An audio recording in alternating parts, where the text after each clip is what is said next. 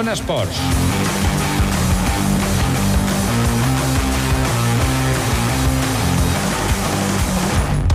Molt bon vespre, què tal? Benvinguts al Zona Esports del dimecres 10 de maig de 2017. Salutacions de David Domingo, qui es parla, Toni Escur des del control de so. Moltes coses per endavant, amb menys de mitja horeta aquesta vegada de programa i amb el bàsquet com a protagonista. Arrenquem amb el sumari.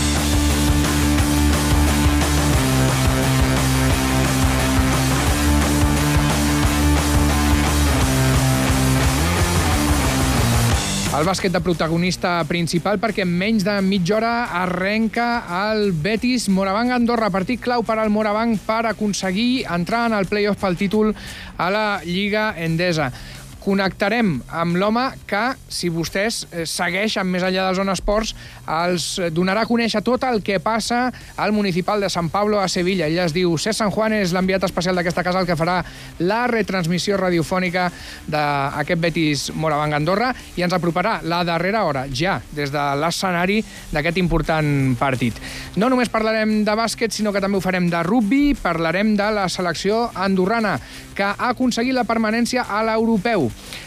En aquest cas, eh, no l'ha aconseguit amb un resultat propi, jugant, sinó esperant un altre marcador. I el marcador és una derrota de Xipre, va ser el cap de setmana davant de Croàcia, que li fa evitar la darrera plaça del grup, per tant, mantenir la categoria. Tot plegat ho comentarem en Janó Martinó, el eh, seleccionador andorrà.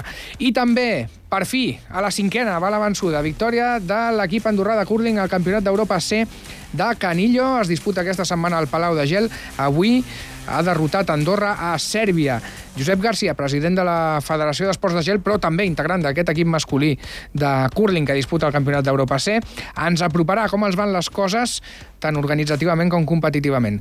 No està malament. Tot això mm, empalmant-ho amb l'inici d'aquest eh, Betis Morabanc Andorra tan interessant. Com dèiem, si es queden més enllà del zona esports, podran saber el fil per randa com va aquest partit a través de la veu del C. San Juan, en qui parlem ara mateix.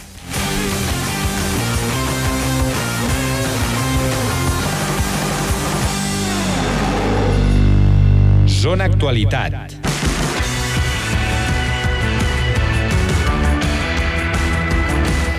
Doncs som-hi, el que diem, menys de mitja hora perquè arrenqui aquest partit al municipal de San Pablo de Sevilla. Eh, donem pas a Cés San Juan perquè ell té els jugadors del Moravan més a prop que nosaltres, bastant més, i ell és qui ens pot donar, ens pot fer 5 cèntims de l'ambient que respira previ a aquest partit de l'equip de Joan Penyarroia. Anem a saludar el Cés. Cesc, bon vespre.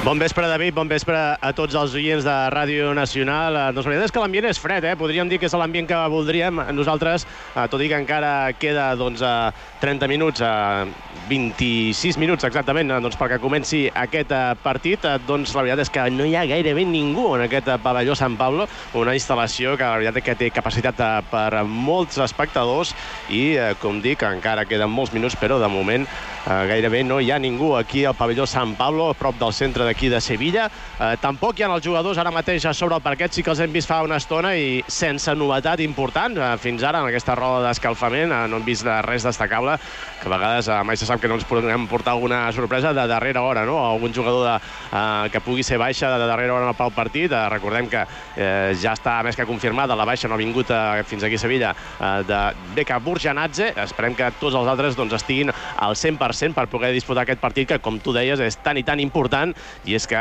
tot i que ho tenim força coll avall, doncs, eh, com abans ho tinguem lligat, eh, doncs molt millor. Avui, doncs, una victòria, doncs, sense cap dubte, sense mirar a tercers, eh, ens donaria ja aquesta vuitena plaça tan anhelada, tan desitjada, i bé, fins i tot eh, resultats de tercers, eh, encara que perdéssim aquí, doncs eh, també ens facilitarien no, estar en aquesta vuitena plaça, David.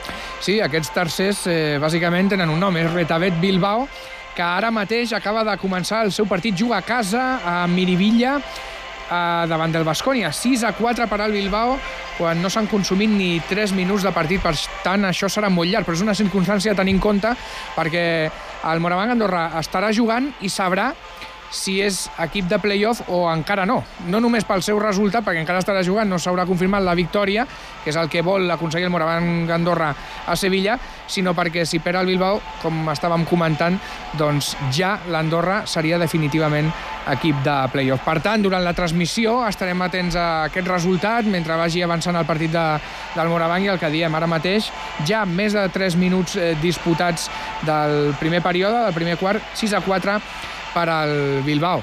Cesc, si et sembla, escoltem a Joan Penyarroia parlant de quin Betis s'espera eh, aquesta, aquesta nit, eh, perquè el Betis també se la juga i molt. És un equip que necessita un miracle per aconseguir la permanència, necessita guanyar els dos partits que li queden i que el Saragossa, el que té per sobre la classificació, el Betis és penúltim, perdi tots dos. El primer pas és guanyar el Morabanc Andorra, està clar, i el tècnic del Morabanc doncs, eh, advertia que es trobaran un rival al 100%. Segur que faran un partit agressiu, un partit de brega, un partit d'intensitat. Eh, després ja depèn de nosaltres, o espero que depengui molt de nosaltres, que els hi surtin millor o pitjor les coses. No? Si algú, evidentment, eh, Sevilla no voldrà és eh, consumar el descens eh, com a local amb la penúltima jornada. I segurament una de les coses que ha de fer l'equip, estaràs d'acord amb mi, és a millorar els seus registres com a visitant, només dos partits guanyats eh, en el que va de temporada. Uh, doncs sí, ho ha vingut dient aquests dies, eh, perquè la veritat és que eh, es fa difícil de pensar doncs, que avui puguem veure un Morabanc diferent, ho han estat esperant al llarg de tota la temporada, no ha pogut ser, només aquestes victòries a la pista del Cué i aquella gran victòria a Gran Canària, i uh, esperem que avui, potser amb aquesta motivació extra uh, de, de poder tenir aquesta vuitena plaça a la nostra abast, a les nostres mans, doncs el puguem veure una millor versió de l'equip de Joan Pellarroia. És així, un equip, com tu has dit, eh, que ha viatjat sense beca Burjanadze, que fa molt de temps que té lesionat Nacho Martín, per tant no els hi queda l'Epibots al Morabanc, com a mínim els jugadors que són específics d'aquesta posició. La veritat és que Peñarroya sempre ha estat un home que ha buscat poques excuses, eh, com a mínim quan fa, pel que fa referència als problemes físics, a les lesions dels jugadors. I no ha estat diferent aquesta setmana. Escoltem el tècnic. Fa tres setmanes el 6 es va perdre dos partits, el BK es perdrà tres, el BK els tres anteriors jugava, com ell diu, amb una cama, no canvia res. Mirarem de trobar solucions i, i no mirar, no mirar gaire cap enrere o mirar gaire cap al que no tenim, sinó mirar amb el que tenim, que és el que podem fer. Doncs el que diu Joan Penyarroia, eh, la veritat és que és el que dèiem, eh, és un entrenador que poques excuses, eh, com a mínim pel que fa referència a les lesions i als problemes físics, posa sempre que hi ha derrota o hi ha victòria, és igual el que passi. És així, no, Cesc? Sí, sí, perdona, que estem aquí eh, amb, els, amb els companys periodistes que m'estan intentant eh, demanar doncs, a veure eh, on es situa el company de Canal Sur i és complicat això de fer dues coses alhora. Eh, ja està solucionat aquest tema. Doncs sí, sí, eh, perdona, em torna'm a repetir la pregunta. no, no, que et, deia, que et deia que Joan Penyarroia mai ha estat un home de posar moltes excuses, com a mínim pel que fa eh, referència als problemes físics, a les lesions. Sempre ha dit, i ho deixava clar en aquesta intervenció que escoltàvem, doncs que s'ha de jugar amb el que hi ha i que, i que això és el que toca i que l'equip està preparat. Sí, ho he dit al llarg de tota la setmana, eh? perquè la veritat és que, com és habitual, també això, això, això també ho he comentat, no? que és habitual en tots els equips que quan s'arriba al final de temporada, la temporada és molt llarga, hi ha molt esforç, eh? tot i que nosaltres no juguem entre setmana, i és normal doncs, que els equips arribin castigats i amb jugadors tocats. Eh, la veritat és que nosaltres ho hem viscut, eh, no només en el cas de Borgenatge, sinó també en els darrers dies, doncs, els problemes físics, doncs, per exemple, de, del mateix Albicí, del mateix Antetokounmpo, i bé, la veritat és que ens n'hem sortit prou ben parats fins ara, no? És així, t'escoltem d'aquí pocs minuts, a més, amb una transmissió d'aquestes vibrants per tot el que juga al Morabanc Andorra. I el que diem, avui serà una mica més cura el Zona Esports i Cesc Sant Juan estarà en antena per eh, apropar als oients tot el que passi en aquest partit. Bona retransmissió, anem parlant perquè un servidor es quedarà a l'estudi amb tu per anar apropant, per exemple, doncs el que passi a Bilbao. De moment, més de 5 minuts ja del primer període, 10 a 6 per al Bilbao, encara guanyen els locals, però això és molt llarg. Cesc, ens retrobem d'aquí ben poc. Aquí estem a punt. Fins ara. Gràcies. Les paraules de Cesc San Juan i nosaltres abans de deixar el bàsquet i centrar-nos en altres coses escoltarem a Gorka Xas, el president del Moravang Andorra. Ahir parlàvem de tot l'enrenou amb l'assemblea ACB, de fet amb la reunió, perquè ahir no era assemblea, i aquesta espantada de Real Madrid, de Barça, d'Unicaja i de Bascònia reclamant reducció d'equips i si no, diuen que marxen i que creen una competició paral·lela. Gorka Xas, per descomptat, eh, va quedar més que sorprès, igual que la resta d'equips. A veure què passa amb tot això, perquè promet haver-hi un estiu força calent. Anem a escoltar què deia el president, en qui vam poder contactar ahir per la nit és un moment on tot està en qüestió, un moment on necessites pues, molt debat i la veritat, jo crec que ha passat el contrari, no? Si, clar, si marxar quatre clubs de, de la importància de, de, de la que tenen ells i del pes específic que tenen a la Lliga, doncs veritat tots estan bastant sobtats i a banda de que ens agradaria i és necessari doncs, que participin de, de, del debat i del moment en el que, en el que ens trobem. No? I un retret que feia Gorka Xas als quatre equips que van marxar és que no hi ha propostes per part d'ells. Van marxar a la francesa, per dir-ho d'aquesta manera, i prou. I aquí el que es tracta és de debatre, com deia el president. Les realitats són diferents, això és, no, no, no és nou d'avui, però la realitat, ja més enllà d'entre grans i petits, doncs hi ha les casuístiques de, de cadascú i que tothom és, és legítimament doncs, pot defensar els seus interessos, però hi ha una part que és defensar els teus interessos i hi ha una part que has de tenir també perquè formes part d'un col·lectiu que és l'interès col·lectiu i l'empatia cap a la resta. I has d'entendre que has de trobar un equilibri com pues, entre, entre els teus interessos propis i els interessos de la competició. I això pues, anirà, pues, probablement et portarà que has de renunciar a algun interès propi o a part d'algun interès propi o en certa mesura alguns interessos propis pel bé del col·lectiu. Això és de sentit comú que ha de ser així. I això és el que crec que, que, que s'ha d'intentar fer i crec que és el que intenta fer la majoria de clubs que estem a la Lliga CB. Més enllà de la postura de C16, que és com molt enrocada, això obliga a, a sentenciar algú, enviar algú cap a baix, i en canvi, eh, més enllà d'això, doncs no, no, no s'ha proposat res. Mm. Quan ha, i, i, i els que, els que precisament estem satisfets amb el model de competició que tenim, és a dir, que creiem que és el bo, que és el de 18 i el playoff i tal, doncs som els que estem buscant i explorant vies que intentin donar cabuda a les necessitats de, de la majoria, no? i això és el que jo he trobat a faltar per part d'ells. Zona Internacional.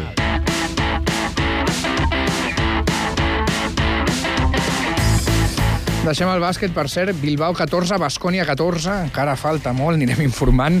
I parlem de rugby, perquè la selecció, els Isars, ha aconseguit la permanència en el Campionat d'Europa, en la conferència 1, grup sud, i ho ha fet sense jugar. Estava pendent del partit entre Xipre i Croàcia. Victòria dels croats al cap de setmana per 27 a 29. Partit emocionantíssima darrera hora va guanyar Croàcia amb superioritat per les lesions dels xipriotes. Tot molt dramàtic. La qüestió és que els Isars se'n beneficien, eviten la darrera plaça del grup i permanència assolida.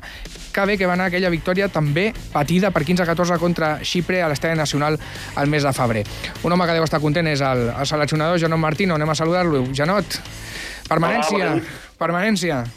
Permanència, sí, permanència eh, assolida, permanència merescuda, suposo. Eh, sí, sí, estem contents amb això. Eh, I pel que hem vist i pel que hem llegit, eh, un partit emocionantíssim el de Xipre contra Croàcia, al final mala sort pels xipriotes, i el que deia jo, eh, també, una molt bona victòria aquella que es va aconseguir, aquell 15-14 al febrer, també a darrera hora, eh, un partit emocionantíssim.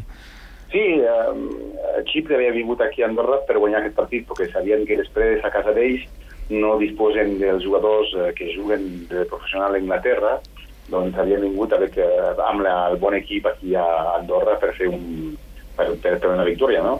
Doncs, eh, mira, hem guanyat nosaltres a casa, que ha sigut eh, també eh, molt bé per la classificació i per acabar per últim.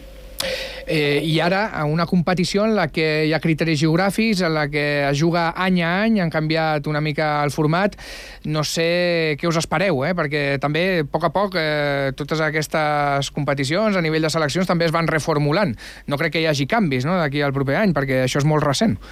Eh, sí, és molt recent. Aviam el que fa l'any que ve. Eh, estem pendents d'això, eh, de, la pròxima, de la propera reunió que faran a Rubio Rock i que, que grup eh, estudiaran per, eh, eh, per fer aquesta competició. Eh, jo et dic, eh, Malta és molt superior a nosaltres, jugaven el, a, a, a un nivell superior fa, l'any passat, eh, Israel també, eh, Croàcia també, eh, eh, doncs no és un grup competitiu per nosaltres, perquè hi ha, hi ha equips que són molt forts, eh, que són a nivell superior, eh, i bueno, hi ha de fer equip com Xipre, però també penso que el partit que van jugar a Croàcia, si no havíem tingut tantes mala sort amb el viatge i tot això, allà es podia aconseguir un resultat, perquè, clar, la primera part eh, van perdre de molt, però van guanyar la segona part eh, 3 a 0, doncs eh, estic pensant en aquest partit que a lo millor s'havia pogut guanyar. Eh, una darrera qüestió que vull demanar i que fa referència a la normativa internacional d'elegibilitat eh, de jugadors per, eh, per ser amb les respectives seleccions. Recordem, Andorra, els Isars s'han beneficiat d'aquesta norma, que val igual per totes les seleccions, que és que si hi ha un jugador que du 3 anys ininterromputs de residència en un país jugant en, en aquella competició domèstica, en el cas d'Andorra seria a França, però amb el BPC, doncs pot ser seleccionable i tenim eh, molts exemples que hi ha hagut a la selecció i que hi ha. Doncs bé, ara això s'ha canviat canviat, s'ha passat de 3 a 5 anys de residència obligada i jo crec que és un gest per intentar que, doncs, que no proliferin aquests internacionals que venen d'altres països i que segurament, en el cas d'Andorra, doncs, eh, no perverteixen, entre cometes, la competició, però sí que passa en seleccions eh, importants. Eh? Estic pensant en Anglaterra, estic pensant, eh, doncs no sé, ara igual m'equivoco, Itàlia, per exemple, no? tenen molta, molts jugadors d'aquest tipus. Què et sembla a tu, Janot?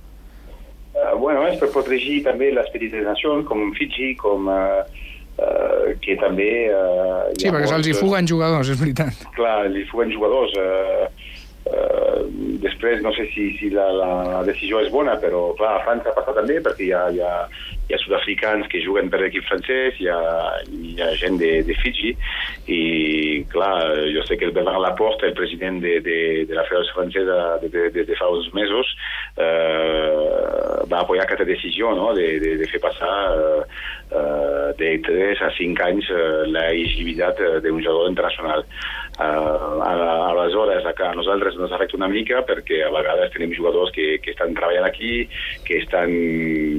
perquè clar, els jugadors eh, pocs eh, i quasi ningú som professional, doncs la gent quan ve aquí ve per, per una feina i eh, que han d'esperar 5 anys per, per jugar a la selecció és una mica injust per nosaltres, però bueno, eh, jo crec que amb la base que hem treballat eh, aquests eh, últims anys eh, suposo que les futes, eh, clar, sempre necessitarem un jugador eh, com jo penso a les primeres línies que aquí a Andorra fa falta però ja trobarem una solució.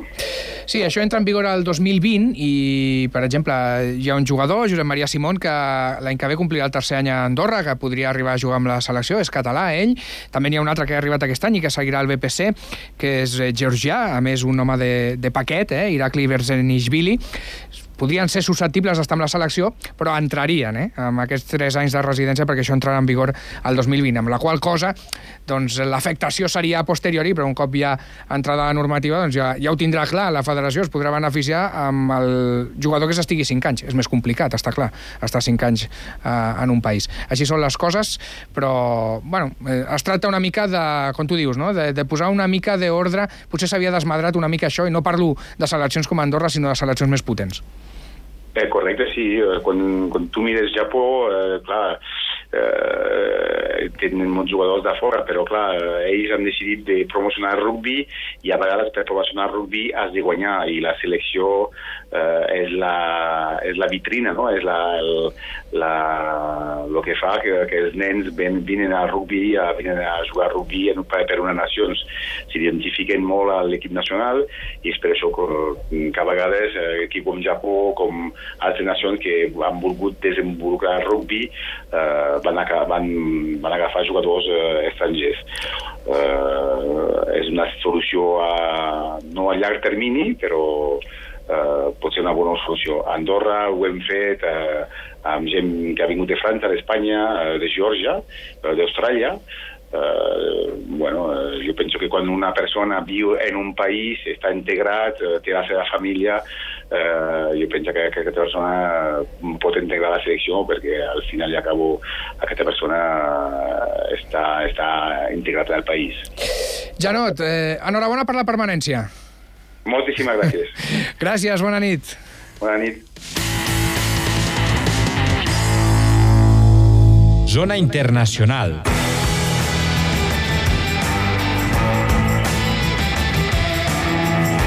I uns darrers minutets del programa per parlar amb Josep Garcia, president de la Federació d'Esports de Gel i també integrant de l'equip andorrà que està participant en el Campionat d'Europa de Curling Divisió C, que s'està disputant aquesta setmana al Palau de Gel de Canillo.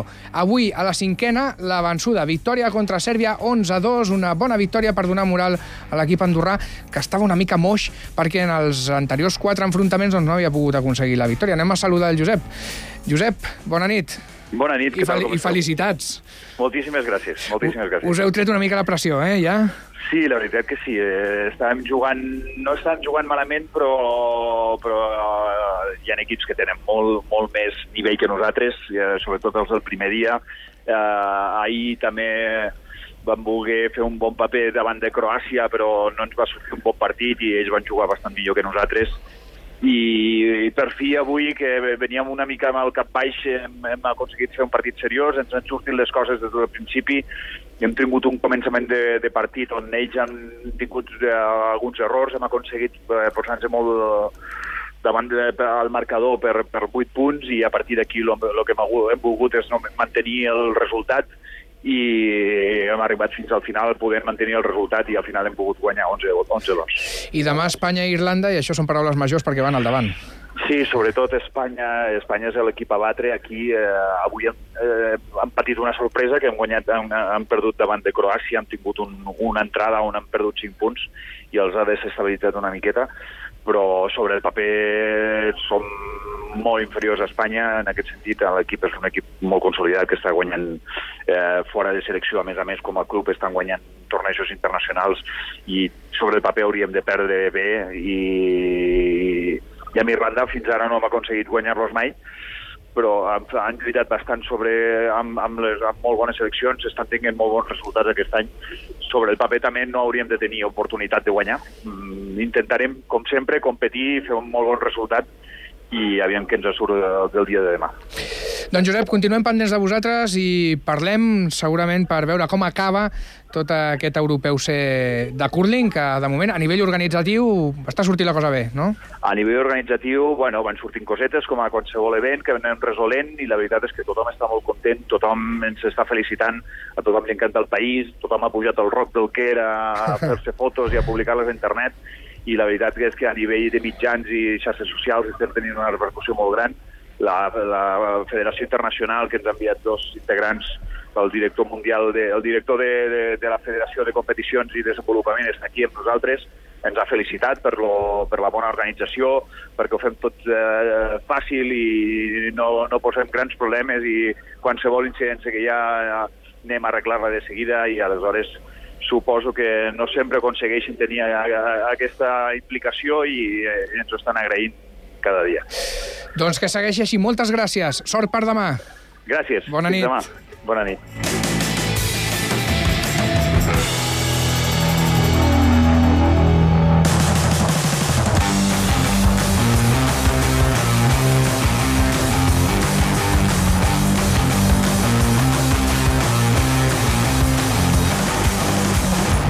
Nosaltres que ho deixem, però continua l'esport a aquesta sintonia perquè arriba el Betis Moravang Andorra.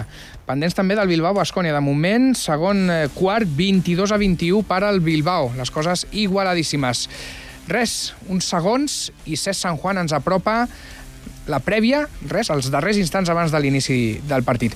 Nosaltres tornem demà. Bona nit i adeu-siau.